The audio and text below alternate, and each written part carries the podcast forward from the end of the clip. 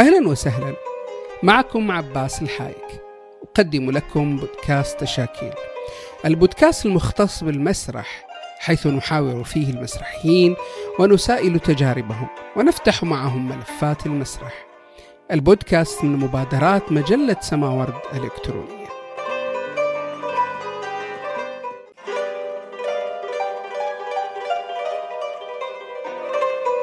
أهلا وسهلا متابعي بودكاست تشاكيل في حلقة جديدة من حلقات البودكاست مع الكاتب المسرحي التونسي بكثير دوما الذي كتب للمسرح عدد من النصوص المسرحية التي قدمها المسرح المحترف مثل داحس والغبراء إنتاج مركز الفنون الدرامية في صفاقس علي بن غداهم إنتاج مركز الفنون الدرامية بقفصة المنصف باي وهو النص الفائز بالجائزة الكبرى للمسرح الوطني التونسي الكاهنة السقيفة.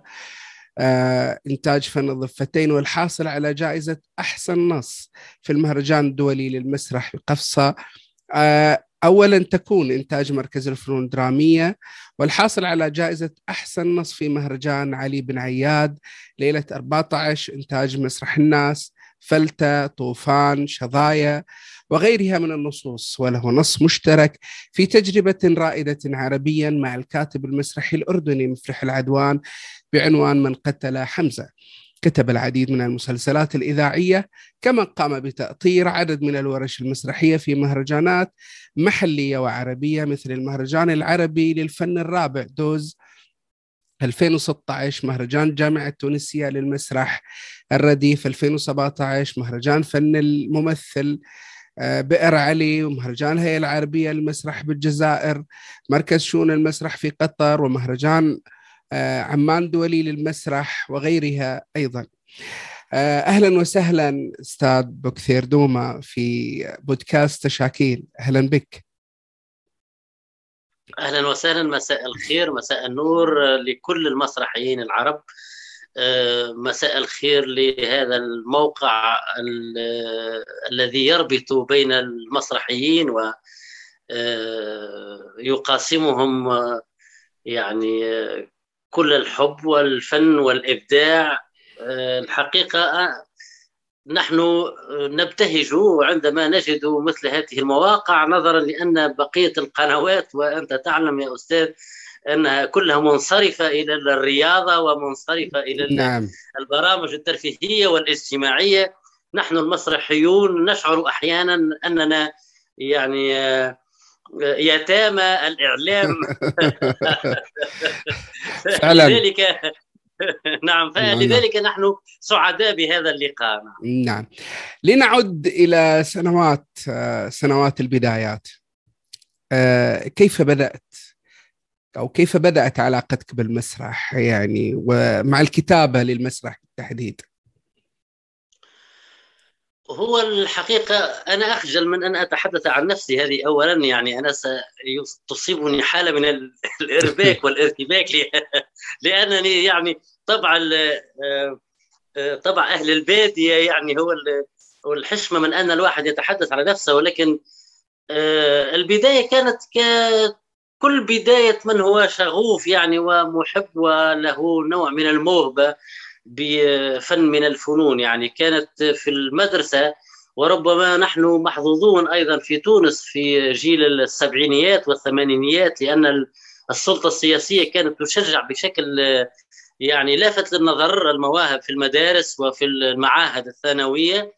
آه، فمن هناك كان المنطلق وكان التأطير و آه، يعني بتشجيع الحقيقة من الأصدقاء ومن العائلة. كنت مغرما في بداية الأمر بالتمثيل يعني ولكن نظرا لبعض الظروف آه، اتجهت إلى الكتابة. لا أدري إن كان الحال يعني يستقيم ويصح أم لا ولكن أشعر معناها أنني نجحت في الكتابة. وأنقذت نفسي من التمثيل وذهبت إلى الكتابه، الكاتب هو ممثل الكاتب هو هو ممثل فاشل في الحقيقة. آه، لأنه يجسد كل الأدوار على الورق يعني فقط. نعم صحيح. نعم. بالضبط.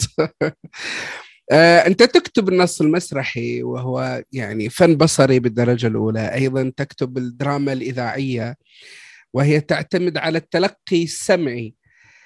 كيف يمكن أن يعني نفرق على مستوى الكتابة بين كتابة للمسرح والكتابة للإذاعة؟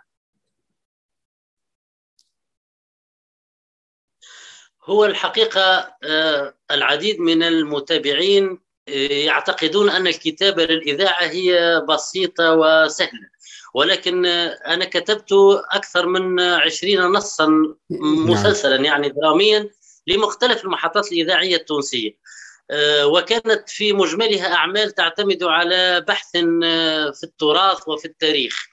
آه، وربما أذكر على سبيل الذكر داحس والغبراء مثل ما ذكرتم وأصحاب الأخدود وأعمال أخرى كثيرة الحقيقة. العمل الكتابة للإذاعة أصعب من الكتابة للتلفزيون يا أستاذ والمستمعين لابد أن يفهموا هذا والمتابعين أيضا لأن الكتابة للإذاعة الدرامية لما تكون معمقة طبعا ليست من النوع البسيط والمستسهل. يعني أنت تكتب لل للأذن ومن خلال الأذن كأنك ترى وتشم وتتذوق و...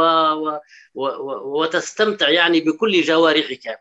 اذا هي كتابه مكثفة على مستوى الأحاسيس. نعم. كتابه مكثفه جدا و ويكون الكاتب فيها يلبي أو تلبى رغباته أكثر من الكتاب للتلفزيون لأن الكاتب في الإذاعة آه، هو أساس العمل.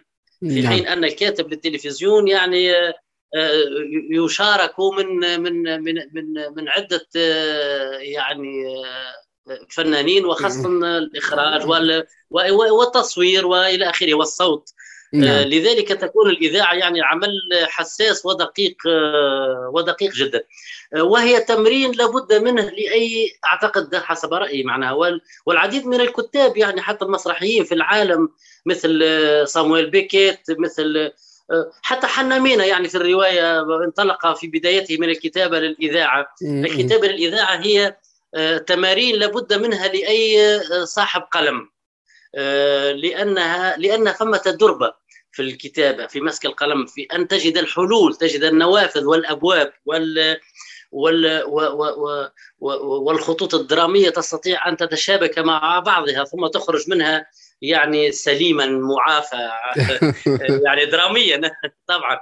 آه، فالكتابه الإذاعي كتابة معناها ضرورية جدا. آه، لأي كاتب يريد أن يمضي بعدها إلى الكتابه للمسرح أو للسينما آه، أو للرواية آه، أكبر مرقى من مراقي ربما الكتابة الدرامية والإبداعية. نعم في الستينيات والسبعينيات كان هناك آه، يعني في الإذاعة المصرية كانت تبث كثير من النصوص المسرحية على الإذاعة. لكنها غائبة الآن. يعني ألا يمكن أن تعاد أو آه، أن أن تبث أو تقدم المسرحيات مثلا المسرحيات التي كتبتها أو غيرها من النصوص المسرحية في الإذاعة هل من من السهل في هذا الوقت الآن آه، أن تنقل النصوص المسرحية إلى الإذاعة؟ أعتقد انك تقصد أن النصوص الإذاعية القديمة أن يعاد بثها أو أنك تعني النصوص تعني المسرحية. النصوص المسرحية النصوص المسرحية الحالية. يعني لكتاب معاصرين يعني آه النصوص المسرحية الحالية؟ نعم. إي إي إي. ممكن جدا طبعا ممكن جدا يعني الأعمال العالمية يمكن لأي كاتب محترف أن يعيد كتابة عطيل مثلا لشكسبير ويجعلها يعني دراما مسموعة إذاعية وهذا متاح جدا. نحن نحن في مأزق حقيقي أستاذي العزيز هو أن رواد المسرح قليلون وإن وإن أردناهم كثر ولكنهم قليلون الحقيقة يعني. مثل رواد السينما هم قليلون في الوطن العربي هذا الذي يهمنا. آه، ولكن الإذاعة المسموعة موجودة في السيارة موجودة في عند عند عند الزوجة عند الأم عند الأخت في المطبخ موجودة في صالونات الكوافير موجودة في في في أي مكان. يعني الإذاعة متنقلة ومتحركة في الموبايل في أي مكان. ف إذاعة القرب يعني وهذه دراما القرب يمكن أن تكون أكثر فاعلية. أنا مع ترجمة أو إعداد أو صياغة النصوص العالمية المسرحية إلى أعمال درامية إذاعية. الممثل أيضا أستاذ الممثل أيضا الذي لا يخوض تجربة الأداء الإذاعي يبقى عنده شيء ناقص. أنا أشبه ذلك بالفنان الذي لا يغني للقدود الحلبية أو المألوف في, في تونس أو الموشحات يعني هذه. لا يمكن أن يمر مباشرة ليغني لأم كلثوم. هي هي أم كلثوم وال, وال يعني الفنانين الكبار يعني مروا من هناك. يعني يعني مروا من المدارس الكلاسيكية. إما بتلاوة القرآن وهذا أيضا له نعم. نواميس وله ضوابط ومخارج حروف وله أيضا يعني الصوت والاداء وطريقة التنفس وكل هذا علم يعني يخضع للعلم. صحيح. أنا معك في في هذا الطرح يعني ان ان أن يعاد كتابة النصوص العالمية للإذاعات يعني العربيه نعم. نعم. في نصوصك آه، مثل داحس والغبراء اصحاب الاخدود والمنصف بي والسقيفة احتقان وغيرها. يعني تقريبا أغلب نصوصك فيها استحضار للتاريخ. ما الذي يعني يجعلك آه، تبحث في التاريخ لتستحضره وتسقط عليه الواقع؟ ما المغري في التاريخ لنعيد كتابته من جديد؟ شوف أنا لا أخفيك سرا. يعني في بداية شغفي بالتاريخ لم لم تكن بداية واعية. لأن كان لأني أنا لست من من من الكتاب الذين لهم علاقات أخطبوطية يعني و ينقضون على على المنتجين يعني بطريقة أو بأخرى. لذلك اتجهت للكتابة في الصعب يعني في في المجالات الصعبة وهي المجالات التي يقع الاعتماد فيها على مراجع ومصادر تاريخية أو في التراث. هذه كانت البداية كان هذا تحد يعني. ثم بعد ذلك صار غراما. الغرام هو أنني وجدت آه، في التاريخ وفي في التراث وفي المحطات والأحداث التاريخية الكبرى آه، مسامير يمكن أن أعلق عليها لوحاتي. هكذا نعم. أقول أنا دائما. أنها يعني هي فقط مجرد شماعة أو مشجب يمكن أن أعلق عليه فستان أو تعلق عليه يعني ميدع أو لا أدري ماذا. يعني هي مسمار نعلق عليه لوحاتنا الفنية. هي ليست غاية في حد ذاتها. الأعمال التي ترتكز على التاريخ وعلى التراث ليس التراث والتاريخ غاية. نعم. ولكن هو فقط قنطرة نمر منها لفهم الواقع. لأن نعم. الحقيقة من لا يفهم الماضي لا يمكن أن يدرك الواقع ولا يمكن أن يؤسس أو يبني للمستقبل. آه، فصار لي هذا شغف. نعم. نعم. آه، مسرحيتك السقيفة ثارت جدل كبير يعني حين عرضت على مستوى الموضوع مسألة أيضا تجسيد الصحابة لماذا لجأت إلى هذا الموضوع الإشكالي على مستوى التاريخ الإسلامي؟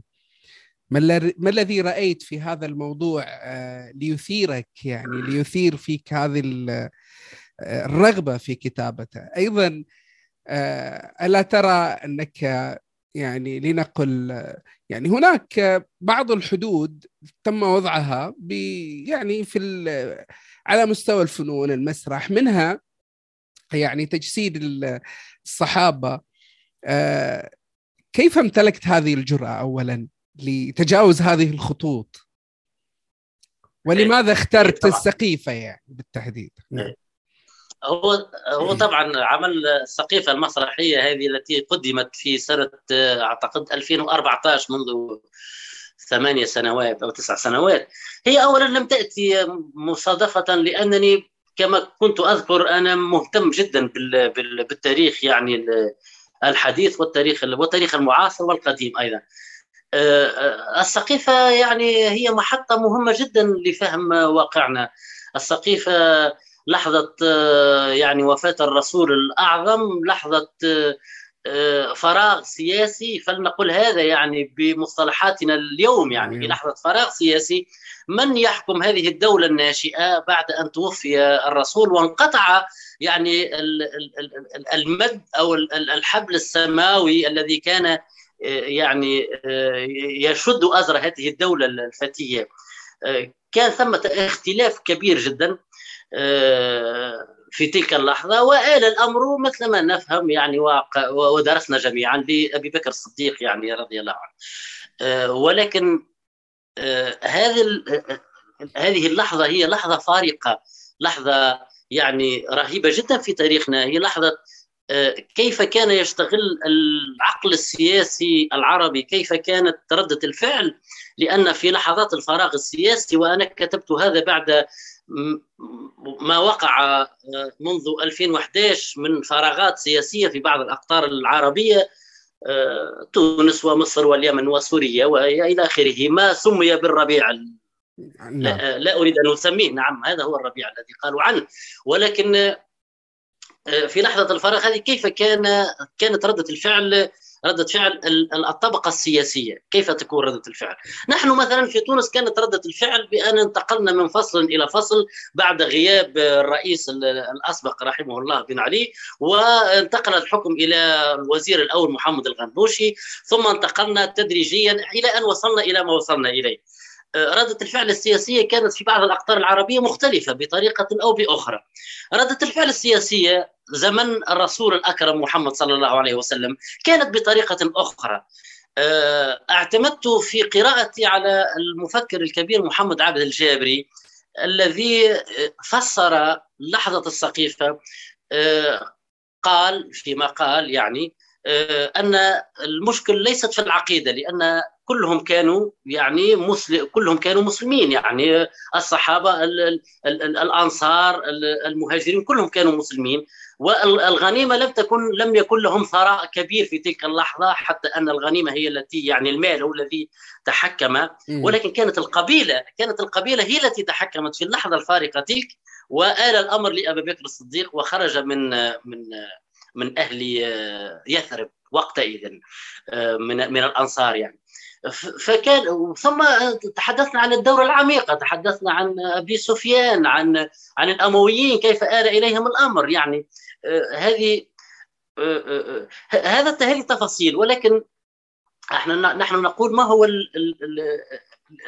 الإرجونس يعني القاهر أو القادح في استذكار هذا الحدث. هو الجرأة في تناول هذه الشخصيات يعني. انظر هو إن لم نتناولها نحن سيتناولها الآخرون. وأنت ترى مثلا أن في إيران والسينما الإيرانية يعني متطورة جدا ربما على بعض البقاع العربية وتناولوا شخصية محمد صلى الله عليه وسلم يعني و و و وغيرهم سيتناول هذه الشخصيات وتناولوا شخصية عمر أيضا في مسلسل أعتقد نعم آه، مسلسل عربي. نعم عربي. نعم. ولكن هذا أنا مع مع مع كل هذا. آه، إذا نحن لم نتحدث عن تاريخنا سنترك الفرصة لغيرنا حتى يتحدث عنا. نعم. إذا نحن أولى بتاريخنا نحن أولى. وإن اختلفنا نحن أولى. بكثير من الوعي. المسرحية كتبت بمحاذير عديدة. حتى أننا قدمناها أعتقد في 2014 وحضر ممن حضر أئمة من جامع الزيتونة يعني المعمور وحضروا و و و وخرجوا في نهاية العرض وباركوا وصفقوا وحيوا الممثلين والطاقم الفني وقالوا لنا آه، أحسنتم ولكن نخشى نخشى ما نخشى أن يتجرأ غيركم على هذه الشخصيات فيسيء إليها. نعم. هذا ما قالوه ما قال أئمة جامع الزيتونة وقتئذ. فكنا يعني منبسطين بشكل كبير معناها. آه، آه، هو هو المهم ان أن نشتغل بوعي. وب بوعي والوعي هذا يكون ذاتي يعني ليست الرقابة تكون خارجية يعني. آه، رقابه رقابة واعية. ثمة قصديه في تناول هذه الأشياء و لا نسيء لأحد ولا نأخذ موقف يعني من أي شخصية من الشخصيات. ومن نحن حتى نأخذ هذا الموقف يعني اي شخصيات فاعلة في التاريخ ولكن لابد أن نضع الإصبع على بعض المواضيع وهذا دورنا أو دور كل مثقف أعتقد. نعم. أه أنت قدمت عدد من الورش المسرحية اضطرت كثير منها يعني في أكثر من بلد. هل يمكن أن تصنع مثل هذه الورش كتابا مسرحيين؟ أه يعني يعني هذا جدل آه، أثير كثيرا يعني حول من يعترضون على آه، دورات أو ورش الكتابة المسرحية بالتحديد يعني دائما سؤالهم لا يمكن أن تصنع هذه الورش. كتابا ما رأيك أنت من خلال تجربتك؟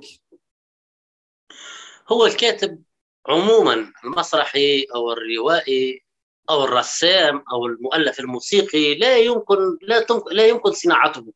أصلا مطلقا يعني لا يمكن صناعته آه، هو يكون موجود بذرة موجودة ولكن هذه الورش هي لتبادل الخبرات يعني ليس أكثر.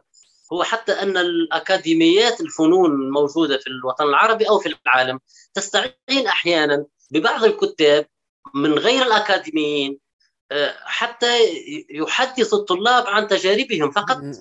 يعني هو آه، جرب فنجح. فنتحدث عن تجربته. ليس إلا ولكن لا يمكن صناعة كاتب. مستحيل أن تصنع كاتبا. هذا شيء يعني لا يمكن أن يخضع لمقاييس آه، علمية وإن أرادوا له هذه المقاييس يعني. صعب جدا. آه، هذا الشيء يعني أعتقد أنه جيني أو فطري أو ناموسي من النواميس لا والله أعلم يعني. حتى الفلاسفة وصفوا عن عن التعبير ولكن الورش آه، وجعلت لتبادل الخبرات. نعم.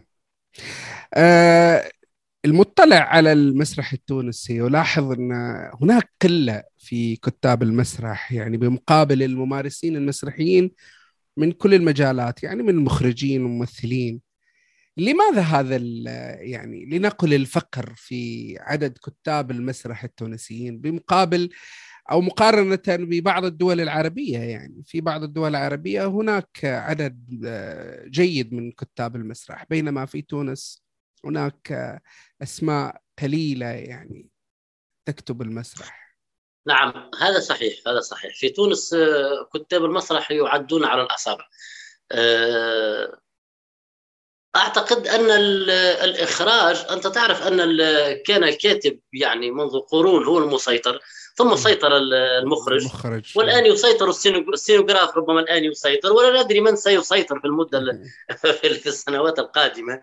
ولكن لأن في تونس المخرجين معناها سيطروا على المشهد المسرحي منذ عقود آه، أكثر من من الكتاب. وكانت هذه سابقة وهو سيرورة تاريخية ربما هي نقطة إيجابية الحقيقة. ولكن آه، بون أنت أنظر أن كاتب يقول أنها نقطة إيجابية أن المخرجين يسيطرون. ولكن هي قبول يعني قبول لهذه السيرورة. اي اي طبعا طبعا اي ولكن هذا راهو شوف هو راهو آه، تغييب الكاتب هو تغييب للواقع راهو. تغييب الواقع أيضا هو آه، يعني تغييب للمشاكل اليومية. الكاتب أكثر دراية وأكثر يعني ملامسة للتفاصيل من المخرج، المخرج تأخذه الصور وتأخذه التقنيات الحديثة والأفكار طبعا ولكن الكاتب منغمس ومنغرس أكثر من من المخرج في الأشياء هذه. الكتابة اولا في تونس شوف نعطيك مثلا آه، مثال آخر. لا دور النشر لا تشجع على على نشر النص المسرحي في تونس و لا أدري في البلاد العربية الأخرى ولكن أعتقد في تونس هذا أكثر يعني. نفس آه، المشكلة. لا يشجعوا. نعاني إيه في مشكلة. نعم. طبعا مشكلة ليش؟ لأنهم لأن النص المسرحي إما أن يكتب للقراءة أو يكتب للتمثيل فإن كتب للقراءة فالمخرجون والممثلون وأهل المسرح ينفرون منه لأنه يكتب بسردية أخرى. وإن كتب للخشبة فإن القارئ الذي يذهب إلى دور إلى المعارض ينفر من الكتاب المسرحي لأنه لا يفهمه. لأن الكتاب لأن الكتاب المسرحيه التقنية يفهمها المخرج والممثل. ف ما إحنا جينا بين البينين يعني لا لم نفهم نحن يعني. اي ولكن هذه مشكلة حقيقية. يعني أنا مثلا أنا ككاتب مسرحي لي العديد عشرات النصوص اعاني منها كثيرا في تونس. واحيانا مدة يومين فقط كنت أتحدث مع آه، أحد الأصدقاء وله دار نشر ونشر لي سابقا آه، نص سيد العرم. فقلت له آه، لنكرر التجربة أنا لدي نصوص عديدة. ولكن قال هل هل هي مكتوبة للمخرجين أم مكتوبة للقراء؟ فهذا السؤال يربكني حقيقة يعني النص المسرحي يكتب لمن؟ يعني للقارئ العادي أو يكتب للمخرج الذي يفهم الذي يفهم في تقنية الكتابة المسرحي؟ تقنية الكتابة المسرحية اللي هي يعني نحن نكتب نصا مسرحيا. لكن في الفرجة أنت ترى نصا مسرحي وترى الإضاءة هي نص آخر. جسد الممثل هو نص ثالث. يعني الكوستيم الملابس هي نص آخر أيضا الموسيقى هي نص وتأليف أيضا. فنحن لما نكتب للفرجة الكتابة تكون تقنية يعني مختلفة ولما نكتب للقراءة تكون الكتابة أيضا مختلفة. فهذه مشكلة لا أدري آه، أنا مثلا عن نفسي الآن آه، أريد أن أهرب للرواية. نظرا لهذا المشكل بالذات يعني. أريد أن أهرب أريد أن أكون أنا المخرج وأنا كاتب مصمم الإضاءة وصانع الملابس من خلال الرواية. نعم. طبعا من خلال الرواية نعم. آه يعني هل هذا يعود لي يعني آه لما حدث للمسرح العربي مؤخرا؟ صار يعني آه الاهتمام أكثر بالصورة وبالشكل أكثر من الاهتمام بالمضمون. آه يعني خاصة بعد موجة التجريب يعني صار في اهتمام أكثر بالصورة وبال يعني بتغذية البصر أكثر من تغذية لنقل يعني تقديم قيمة جمالية معرفية من خلال النص. اي طبعا هو هم لا يعلمون. بعض المخرجين وهم أصدقائي في في تونس وفي الوطن العربي لا يعلمون أن لا شيء سيبقى إلا المكتوب أو المنطوق. حتى من اليونان إلى اليوم لم نعم. يبقى شيء إلا النص. لم يبقى شيء إلا النص يعني. كل ما يمكن أن يبتكره المخرجون والسينوغرافيون على الخشبات المسرح سيذهب يعني عبر الموجات الهواء. ولكن سيظل وسيبقى للأجيال القادمة. نحن لا نكتب لأنفسنا فقط نحن نكتب لاجيال أخرى لأبنائنا وأحفادنا وأجيال أخرى. فلن يبقى لهم إلا هذه وثيقة. يعني النص المسرحي المنطوق المكتوب هي وثيقة. الجملة هي وثيقة. هم لا لا يشعرون بهذا بهذه المسؤولية. أنا مثلا جربت مع بعض المخرجين الذين يشتغلون بشكل يعني آه، كبير على التجريب. اشتغلت مع آه، أحد الأصدقاء في مسرحية أو لا تكون. واشتغلنا مسرحية تجريبية. واشتغلنا وكتبت له نصا آه، عن شكسبير في آه، أربع مسرحيات لشكسبير. خرجنا منها نص واحد. واشتغلنا بشكل يعني عمودي. حتى اللعب لم يكن افقيا على على الخشبة. كان كان عموديا. والنص أيضا كان بتلك الطريقة. مكتوب بطريقة سينمائية. هذا المخرج من قبل كان لا يعتمد على الكلمة أصلا وعلى المنطوق وكان يأتي بجوائز وكذا لما دخلت أنا عليه وهذه ربما كانت يعني غلطة عمره فالمسرح هي أخذت كل كل الجوائز كانت للنص فهمتني؟ فهو فهم ليش يعني المشكلة. بعدين يراجع المخرج نفسه ويقول إما أنا إما أن أكون أو يكون الكاتب. هذه يعني مشكلة مشكلة مشكلة كبيرة حقيقة. لا لا أدري كيف يمكن حلها. آه، مشكلة حضور الكاتب. ككاتب له كيان كامل يعني في في في العملية المسرحية. نعم. هل يعني تعتقد أن حين تستمر هذه الممارسات يعني ممارسات المخرجين في تعاملهم مع النص ان نصل إلى مرحلة وأنا أعتقد إني سمعت كثيرا يعني بعض المخرجين الشباب يرددون آه، مصطلح موت المؤلف آه، دائما يقولون أن المؤلف ينتهي دوره بمجرد انتهائه من نصه ولا ولا علاقة له بالعرض. آه، يميلون كثيرا لأن يهدمون النص ويعيدون بناءه من جديد. هل تعتقد أننا سنصل إلى مرحلة آه، يموت فيه المؤلف المسرحي؟ لا لا إن شاء الله هذا إن شاء الله هذا هذا لا يحدث ابدا يعني.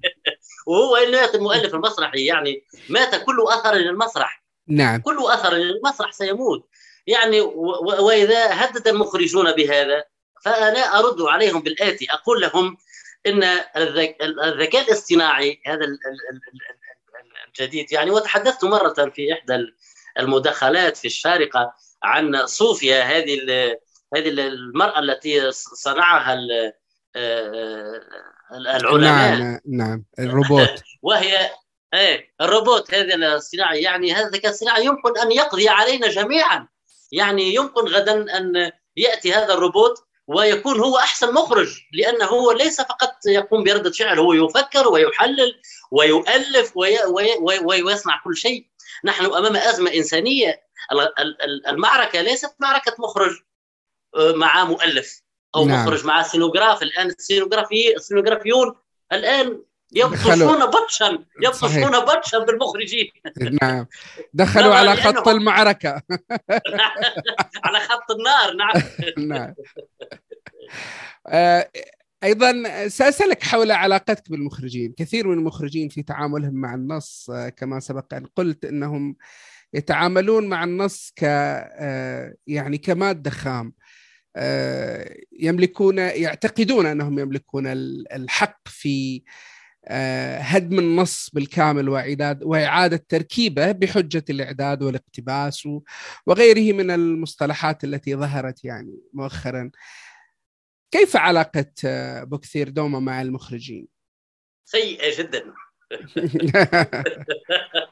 والله العظيم على الأقل في اصدقاء هم أصدقاء يعني ولكن تعرف ليش هو؟ لأن المخرجين يعني آه، يعني هم يبتهجون ويفرحون ويسعدون لوجودنا في بداية المشروع ويعني يكرموننا أي إكرام في بداية المشروع المسرحي. ولكن ما إن يتمكنوا من النص ويأخذوه حتى نصبح مملين لهم ويكرهون وجودنا في التمارين ولا يريدون أن نحضر حتى يوم العرض. لا أدري هذه غيرة يعني بشكل نفسي أو أو لا, لا أدري ليش يعني. فأنا علاقتي يعني كل الذين اشتغلت معهم ربما لأن العروض يعني آه، عادة آه، جائزة أحسن نص في العرض كامل تأتي ويعني هو لا يأخذ شيء يعني مش عارف أنا أنا الآن يعني ربما بشيء من الفدلكة والدعابة أتحدث نعم. عن هذا الموضوع لأنني عرفت بهذا الشيء يعني وأصدقائي المخرجين يتقبلون مني هذا الكلام عادة بهذه الطريقة ولكن آه آه هذا هو الواقع يا صديقي هو هذا هو الواقع المخرجون آه يحبوا هم يمتلكوا كل شيء هو يكفيهم أن في في يعني المكتوب آه، تجد أنها مسرحية ل فلان الفلاني باسم المخرج يعني. اي طبعا باسم المخرج. هو هذه يعني مشكلة نفسية هذه لابد من حلها هذه عقدة يعني. هو ليس الوحيد الذي هو يبرد معه مؤلف موسيقي ومؤلف في السينوغرافيا وفي الإضاءة والممثل له روح. فما مخرجين لا يعترفون بالممثل أصلا ويسميه يعني هو فقط آلة يأتي به ليحقق له يعني مجموعة من من الصور البصرية على خشبة المسرح.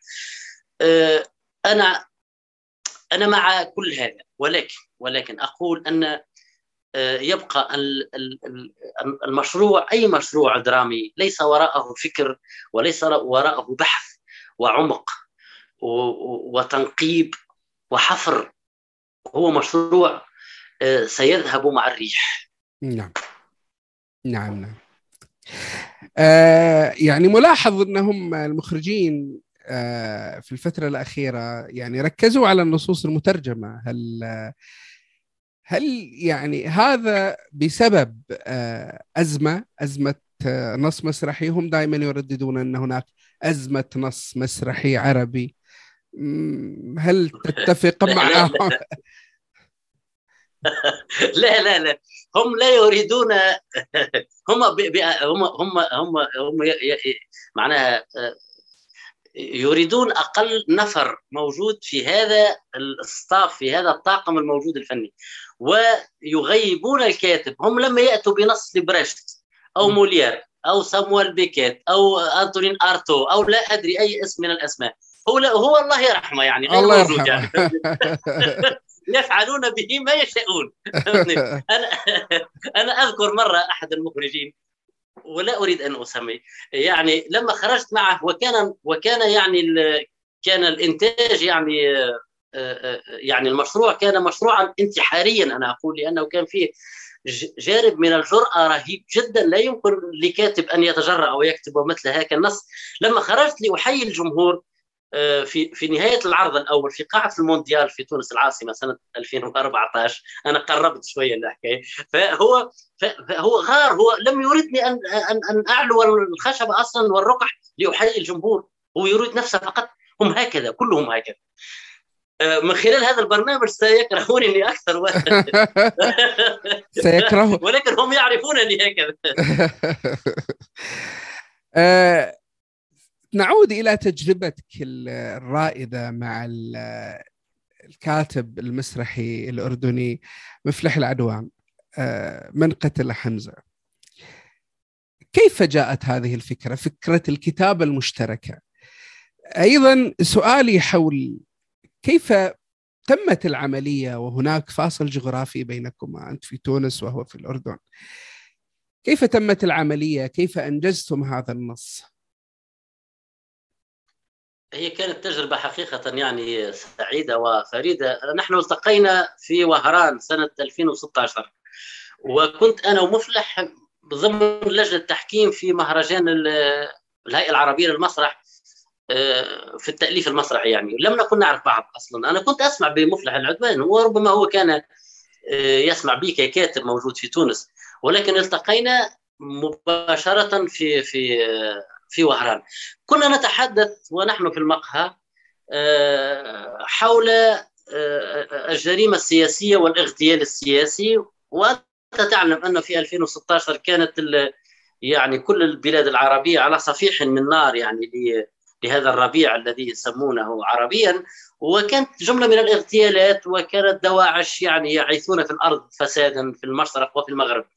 فكنا نتحدث من من الذي يقتل. وقتل لنا واستشهد واغتيل يعني قتل غيلة آه، الشهيد شكري بالعيد في تونس. نعم. وكان يعني رجلا آه، تنويريا وله حضور آه، لافت ورهيب جدا يعني في تونس. وقتل بأيادي خائنة. فكنا نتحدث من يقتل؟ من الذي يقوم بالجريمة السياسية والاغتيال السياسي؟ ثم يختفي. إلى الأبد. تحدثنا عن مؤسس من مؤسسي الاتحاد العام التونسي للشغل وهو فرحات حشاد الذي اغتالته اليد الحمراء في تونس في بداية الخمسينيات آه، الاستعمار الفرنسي يعني. آه، وإلى حد الآن أهله لا يعلمون والقضية مفتوحة منذ سبعين سنة لا يعلمون من اغتاله. يعني كنا نتحدث هكذا. الاغتيالات السياسيه تذهب هكذا هباء. فحتى من سبيل الدعابة يعني قلنا حتى حمزة من قتله لعل من قتله اغتاله سياسيا فهو الرجل قد قتل غيلة في في في في الغزوة في معركة المعركة قتل غيلة لم يقتل مباشرة وجها لوجه يعني قتل نعم. من الخلف ومن قتله هذا وحشي أعتقد وقتله آه، كان منديلا فقط يعني ثمة من الذي تآمر وخطط ومع سابقية الإضمار والترصد وإلى آخره لحمزة ابن عبد المطلب. وقتله فقلنا مم. هذا أيضا قتل غيلة فمن قتل حمزة؟ هل هو وحشي؟ هل هو هل هي الدولة العميقة؟ هل وهكذا. ابتدأ الحديث يعني بهذا الشاكلة ثم انتقلت أنا ومفلح لأننا ربما ننهل من منهل واحد ومن نعم. ينابيع واحدة ثقافيا أعتقد وحتى انثروبولوجيا ونحن بدو كل أنا ومفلح لنا عديد المشتركات يعني أه بدو أقول هذا نعم هذا لأن نعم. هذا مهم أيضا لأن هذا مهم ربما لا نغفله هذا مهم جدا في الكتابة طبعا أه واتفقنا وخططنا لهذا الأمر لكتابة نص مسرحي بعنوان من قتل حمزه. لم تكن سهلة الحقيقة يعني. أنا لا أخفيك أن الأمر كان صعبا اولا لمستويين. مستوى الجملة المشرقية تختلف كثيرا عن الجملة المغاربية. نعم. يعني الجملة المشرقية مختلفة. الجملة المشرقية جملة عاطفية والجملة المغاربية هي جملة عقلانية. فاهم فاهم على نعم. حديث يعني هذه دقيقة جدا يعني هذه كانت من من أصعب الأشياء يعني. أه فخططنا وقسمنا العمل إلى لوحات و وفي كنا يعني نتحدث من يبيت عنده الليلة وحشي ومن آه، ياته غدا ياته حمزة ليبيت عنده في في آه، اللوحة والتابلو اللي بعدها. ومن تاتي هند فكان مفلح دائما يريد هند لا أدري لماذا يعني. حتى اكتمل النص وكانت تجربة حلوة الحقيقة. نعم. جميل جدا. آه يعني أنتم اخترتوا يعني أنت شرحت ال هذه ال يعني الغاية من كتابة هذا النص أو يعني بحثتم عن موضوع إشكالي يعني إشكالي في التاريخ أيضا يعني. آه وكأنكم تحاكمون التاريخ في هذا النص هل فعلا هذا النص حاكم التاريخ وما قيل في التاريخ أو حاكم الرواية التاريخية؟ أه، نحن دورنا ليس أن نحاكم ولكن أن نطرح الأسئلة، هذا دورنا الطبيعي. في مشكلة من قتل حمزة، حمزة ابن عبد المطلب لما قتل قتله في الحقيقة يعني قتله كل المصادر والإخباريين يتحدثون عن وحشي هذا الذي قتله. ولكن ليس هذا فقط. يعني لم تكن هذه المشكلة لم تكن يعني هناك. يعني كان آه، كان ثم مؤامرات أخرى ربما. نحن طرحنا الأسئلة وهذا كان دورنا يعني. آه، وقلنا أن القاتل الحقيقي لا يمكن أن يحاسب. لأن لم تحاسب هند بعد بعد مقتل حمزة رضي الله عنه لم تحاسب ولا هي ولا زوجها. آه، هو والتاريخ يقول أن الرسول محمد صلى الله عليه وسلم قد تزوج بنت أبي سفيان حبيبة آه، بعد ذلك. آه، وهند كانت أول امرأة أخذت يعني فلوس من الدولة الحديثة بعد وفاة الرسول من دولة الخلفاء يعني. فأين هو وحشي من كل هذا الأمر؟ لماذا نحن نمسح؟ لماذا هو منديل يعني؟ لماذا هو منديل؟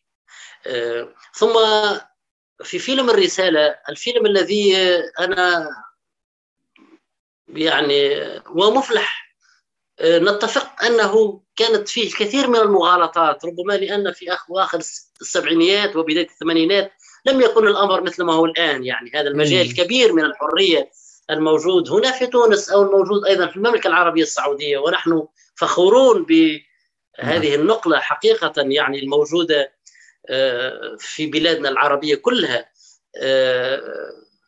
لم يكن الأمر كما هو اليوم ولكن الكثير من المغالطات وقعت في فيلم الرسالة الناس يعني حتى أن الممثل الليبي علي سالم أعتقد اسمه نعم.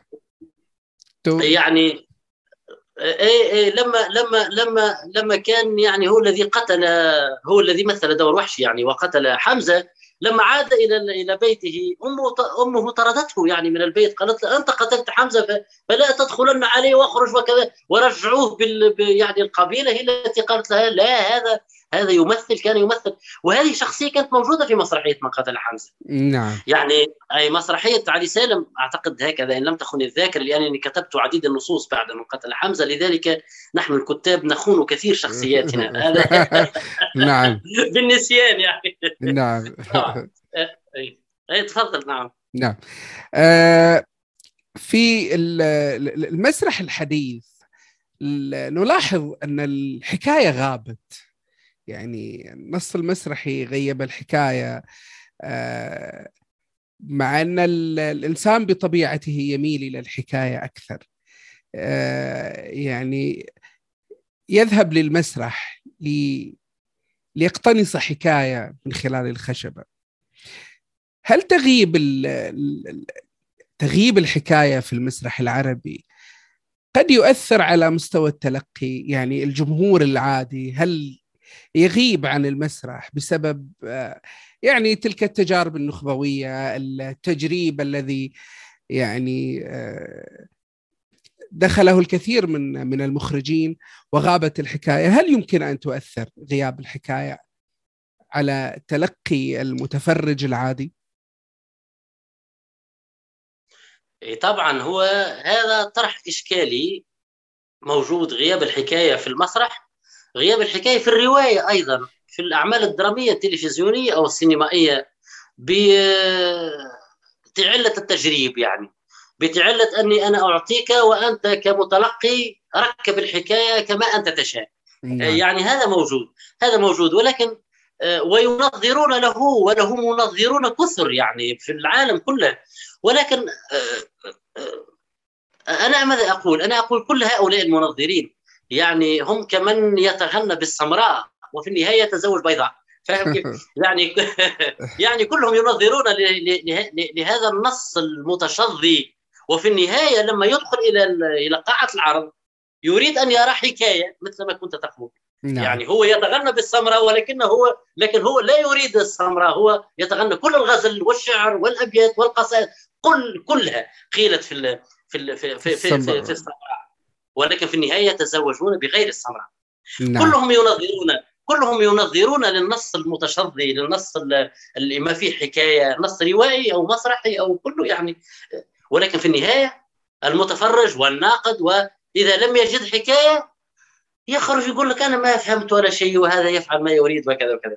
صحيح. فأنا مثلا شخص أنا شخصيا لا انساق وراء هذه أنا أقول لهم أنا سأكتب إن كتبت عن السمراء ساتزوج وإن كتبت عن غير السمراء ساتزوج يعني نعم. هذا نعم. نعم. آه هناك مقولة آه يعني يرددها كثير من المخرجين أو النقاد حتى يقولون أن النص المسرحي نص غير مكتمل. ولا يكتمل إلا بالتجسيد على خشبة المسرح. النص المسرحي يقولون أنه مليء بالثغرات ولا تملأه إلا الرؤية الإخراجية. هل تتفق مع هذه المقولات؟ أي نعم. إلى حد ما النص المسرحي والنص السينمائي. آه والسيناريو السينمائي. لا يكتملان إلا أحدهما بالكاميرا والآخر ب بالدراماتيرج أو بالمخرج ومن وراءه. لا يكتملان. ولكن هذا لا ينفي أن الاكتمال ما معنى الاكتمال يعني أصلا؟ ما معنى نصا مكتملا الإشكالية هناك. ما معنى نص مكتمل الفراغات ليست فراغات على مستوى المساحات ولا على مستوى الأفكار. لا أنا مثلا كل تجاربي إلا نادرا كنت أكتب مع مخرج. يعني أتفق مع أحد الأصدقاء المخرجين وأكون اولا اولا أكون أنا متفق معه وأكون أصدقاء أنا وياه وأصحاب أنا وياه حتى تكون لنا نفس الرؤية الفنية على الأقل. فنكتب نصا أكتب له نصا على مقاسه. أنا أنا أنا أنا يهمني أن أبحث عن المخرج الذي سيصنع أو سيحول نصي إلى الحياة سينفخ فيه من روحه يهمني المخرج قبل أن قبل أن يهمني المشروع عموما لأن لأن المخرج هو الذي سيضيف للنص سيضيف للنص من النص لن يضيف من خارج النص سيضيف له منه. فعدم الاكتمال هي حالة إيجابية وليست حالة سلبية. نعم. هي حالة إيجابية. نعم, نعم. آه، في المسرح العربي هناك الكثير من المسابقات مسابقات التأليف المسرحي يعني الهيئة العربية للمسرح وبعض المهرجانات. آه، ويشارك فيها كثير من من كتاب المسرح الشباب. ما رأيك آه، فكرة المسابقات هل يمكن أن يكون لها جدوى؟ في أن يتوالد أجيال تتوالد أجيال جديدة من كتاب المسرح. أي م... أي هذا مهم. أنا كانت لي الحقيقة وأتاحتها لي الهيئة العربية للمسرح يعني وأشكرها بالمناسبة على ثقتها في منذ سبع سنوات أن جعلتني آه، في لجنة لقراءة النصوص هذه المرشحة للمسابقة يعني وقرأت وقتها أكثر من 150 نص مسرحي أنا استفدت كثيرا ثم خرجت بالعديد من الملاحظات يعني. اولا ثمة من يكتب للمسابقة وهذا خطأ وهذا خطأ م. فادح. ثم من يكتب عن الأحداث الراهنة. وهذا أيضا خطأ لأنك أنت تكتب عن حول أرض متحركة. هذا لا ينفع أصلا. يعني كأن تتحدث عن ما وقع كأن تأتي بكاتب وتقول له تعالى اكتب لي نصا عن المعركة أو الحرب الدائرة بين أوكرانيا وروسيا. نعم. نحن نحن ما زلنا لم نفهم شيء يعني. نحن لا, لا ندري ما لماذا ستؤول الأمور وما هي الدوافع وما هي الكوامن وما الذي يجري أصلا على الأرض. م. فكيف لكاتب أن يزج بنفسه في معمعة مثل هذه؟ الكاتب لابد أن تكون له مسافة بينه وبين الحدث اولا. حتى يفهم لابد من مسافة للفهم. ف يعني رأيت أن الكثير من المسرحيين يستعجلون الأمر ومن استعجل الأمر فاته. خاصة في مثل هذه المواضيع. ولكن بالنسبة للمسابقات فهي تبقى يعني مهمة مهمة جدا. والأهم منها المتابعة. يعني هؤلاء الكتاب الذين يفوزون لابد لهم من متابعة. مشكورة هي الهيئة العربية. مثلا أذكر الهيئة العربية لأني اشتغلت معها ولأنها حاليا ربما من أقوى الهيئات يعني التي تشتغل على المسرح في الوطن العربي. يتابعون وينشرون النصوص إلى آخره ولكن نعود إلى إلى الإشكالية الأولى التي طرحتها يا أستاذ. هي النص يكتب للقراءة ويكتب للتمثيل. اذا لابد من هذه النصوص أيضا. لا فقط أن تنشر ولكن أن تقع بين يدي مخرج وان وأن يراها الجمهور العربي. نعم. هذه المتابعة أنا ربما من, من الأشياء التي أوصي بها هي متابعة الجوائز ومآلاتها. نعم. يعني يمكن أن نرفع هذا المقترح لهيئة المسرح أو الهيئة العربية للمسرح أن فعلا لا يؤول النص فقط لأن يكون منشورا بين دفتي كتاب ولكن أن يكون هناك مشروع يعني مشروع مسرحي أن نشاهد أو يشاهد الجمهور المهرجان المسرحي العربي في كل دورة نتاج هذه المسابقة. يعني أنا أرفع هذا المقترح إذا كنت تتفق معي. نعم. إي طبعا إي. هو هو اسمح لي يعني هو يعني ربما يأخذون أحسن نص يتوجوا وأحسن إخراج في المسابقات العروض يعني وأحسن مخرج وأحسن ويعملوا توليفة. نعم. مثلا إن كان هذا ممكنا لا أدري أنا أقول أقول هذا ارتجالا يعني. ولكن ربما يفكرون في هذا الأمر فيأتوننا بعروض شيقة. لما لا؟ لنا طاقات رهيبة جدا في الوطن العربي. لنا طاقات رهيبة وإشعاعها. يعني حتى خارج المنطقة العربية أصلا يعني. خارج نعم. المنطقة في أوروبا لنا كتاب كبار ولنا مخرجون كبار. لما لا نستفيد منهم نعم. ولا يستفيد منهم الجمهور المتلقي يعني العربي. نعم. نعم. في كثير من النصوص المسرحية العربية أو بعض كتاب المسرح هم يعني خريجين مدرسة الأدب. يعني هم أدباء أساسا. يعني كتبوا رواية كتبوا شعرا. ثم انتقلوا إلى المسرح شاركوا في هذه المسابقات. آه، ولكنهم يبقون حبيسي هذه يعني آه، هذا الحوار الأدبي أو هذه اللغة الأدبية. من وجهة نظرك ما هي مواصفات النص المسرحي الجيد؟ وأنت يعني كنت محكما آه، بعيدا عن الموضوعات التي ذكرتها الموضوعات الحديثة أو الموضوعات غير المكتملة أو التي لا نعرف مآلاتها. ما هي مواصفات النص الجيد؟ النص الجيد في نظري هو النص المتحرك. هو النص النص المسرحي المتحرك النص المسرحي الذي آه، يعني مملوء بالحياة. يعني تكون الكلمة فيه مملوءة بالحياة الكلمة فيه متحركة. لأننا نتحدث عن مسرح نتحدث عن حركة عن صورة. فلا بد أن يكون النص متحركا وليس نصا آه، فيه وصف وفيه تسريد ويعني لابد أن تكون الجملة المسرحية هي جملة متحركة. جملة متحركة لأنها ستكون بين قوسين بالآن وهنا هذه التي يقولها المسرحيون كافة. يعني لابد أن تكون متحركة ونابضة وفيها الدم يجري ويتدفق بشكل كبير جدا وتكون الجملة حية. آه هذا بالنسبة للتقنية أتحدث عن التقنية تقنية الكتابة ولا أتحدث عن المواضيع. المواضيع كل المواضيع حية. لا يوجد موضوع ميت. الحب كل الناس تحدثوا عن الحب من قلقامش إلى اليوم. كل الناس تحدثوا عن القتل وعن الخيانة وعن يعني من العهود القديمة اليوم. هكذا هو الإنسان. ونفس المواضيع ستتكرر ولكن كيف آه، نحاصر هذا الموضوع ونضعه في ركن وننقض عليه ونكتبه كتابة دقيقة ونقوم بعملية ليزرية بالليزر بأشعة الليزر. ننزل على هذا الموضوع الآن وهنا بجمل متحركة وحية. أعتقد هذا هو. نعم جميل. آه أنا سعيد جدا آه يعني بهذه هذا الوقت الذي قضيناه في هذا الحوار الثري جدا مع كاتب مسرحي آه له مكانته على مستوى المسرح العربي. شكرا لك أستاذ بكثير دوما على يعني وقتك على هذا الثراء الجميل الذي قدمته لنا في هذه الحلقة. شكرا. شكرا يا سيدي وإن شاء الله نكون كنا خفيفي الظل. واستمتعنا ببعض من الدعابة.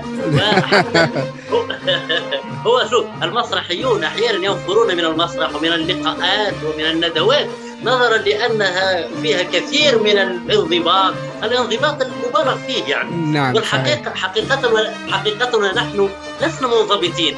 الكتاب والفنانون بصفة عامة، فلتكن يعني لقاءاتنا بهذا الشكل فيها نعم. كثير من الدعابه وكثير من العمق ومن الفرح، أنا أشكرك شكرا يعني آه، لا متناهي وأنا سعيد جدا أني كنت معك. شكرا لك يا شكرا لك. إلى اللقاء. بخزرة عينيها والشفرة اللي بيها تسحر بيها تسحر مفتون بخزرة عينيها بخزرة عينيها. والشفرة اللي بيها تسحر بيها تسحر محلى الورد على خديها يا وخيال محلى الورد على خديها يا وخيال محلى الورد على خديها يا وخيال محلى الوديع على خديها يا وخيالي. محلى الوردة على خديها يا وخياني يا وخياني يا وخياني ربي يستر.